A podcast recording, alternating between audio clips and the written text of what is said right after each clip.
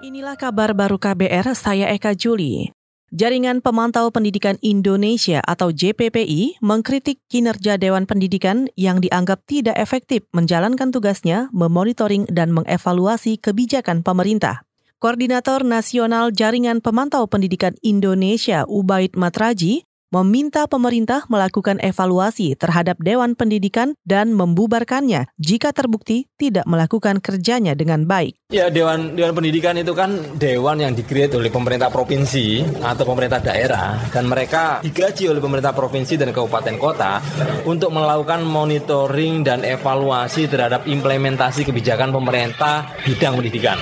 Tapi sampai hari ini kita nggak pernah dengar apa yang diusulkan oleh Dewan Pendidikan, apa yang diawasi oleh Dewan Pendidikan, apa yang dilakukan oleh Dewan Pendidikan itu. Jadi artinya lembaga ini ada, orang-orangnya digaji, tapi tidak menjalankan peran dan fungsinya dengan baik. Koordinator Nasional Jaringan Pemantau Pendidikan Indonesia atau JPPI Ubaid Matraji menambahkan, Koalisi Pendidikan akan melakukan analis tentang peran lembaga pendidikan yang benar. JPPI juga menyebut akan mengirimkan surat terbuka kepada Presiden untuk meniadakan lembaga pendidikan yang tidak melakukan perannya. Saudara Ketua Gerakan Nasional Pengawal Fatwa atau GNPF Ulama, Yusuf Martak, menyebut Ijtima ulama keempat yang akan digelar Agustus mendatang tidak untuk menanggapi pertemuan Prabowo dan Jokowi Sabtu lalu. Yusuf mengatakan ijtima digelar untuk konsolidasi dengan para ulama terkait bagaimana menentukan sikap dan langkah ke depan yang diambil kelompoknya. Jadi tidak hanya atau terjebak sikap menyikapi adanya pertemuan atau apa pun. Itu adalah hak daripada uh, orang per orang atau kelompok atau siapa pun yang memang menghendaki pertemuan itu. Ketua Gerakan Nasional Pengawal Fatwa atau GNPF Ulama Yusuf Martak menambahkan, Ijtima Ulama keempat juga tidak akan membahas soal kelanjutan kelompoknya terhadap dukungan kepada calon Presiden Prabowo Subianto.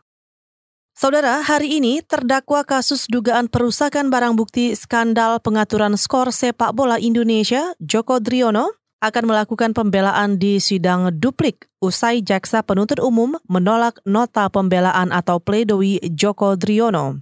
Kuasa hukum Joko Driono, Mustafa Abidin mengatakan penolakan pledoi oleh JPU merupakan hal yang wajar. Menurut saya wajar, pasti ada perbedaan pendapat ya dari kami maupun jaksa kami juga akan sedikit menyanggah karena sebenarnya jawaban kami semula kami perkirakan jawaban kami itu lebih banyak mengulang pledoi kami. Tapi karena ada beberapa hal yang perlu kami bantah sesuai dengan pendapat kami, maka kami minta kesempatan. Kuasa hukum Joko Driono, Mustafa Abidin menegaskan, kliennya tidak memiliki niat untuk melakukan hal yang didakwakan dan hanya ingin mengamankan barang-barang pribadi. Kemarin, Jaksa Penuntut Umum menolak pledoi yang disampaikan terdakwa kasus dugaan perusakan barang bukti Joko Driono dan kuasa hukumnya secara keseluruhan. Untuk menjawab penolakan itu, Hakim memberikan waktu satu hari kepada Joko dan kuasa hukumnya untuk menyanggah dan menyiapkan duplik secara tertulis. Pengurus Pusat Persatuan Bulu Tangkis Seluruh Indonesia atau PPPBSI hanya memasang target satu gelar di turnamen badminton Indonesia Open 2019.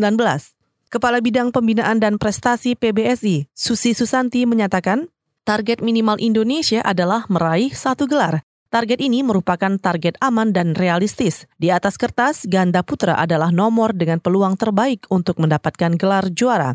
Disusul tunggal putra dan kemudian ganda campuran. Indonesia Open 2019 akan dimulai hari ini dan berakhir pada Minggu 21 Juli mendatang. Demikian kabar baru, saya Eka Juli.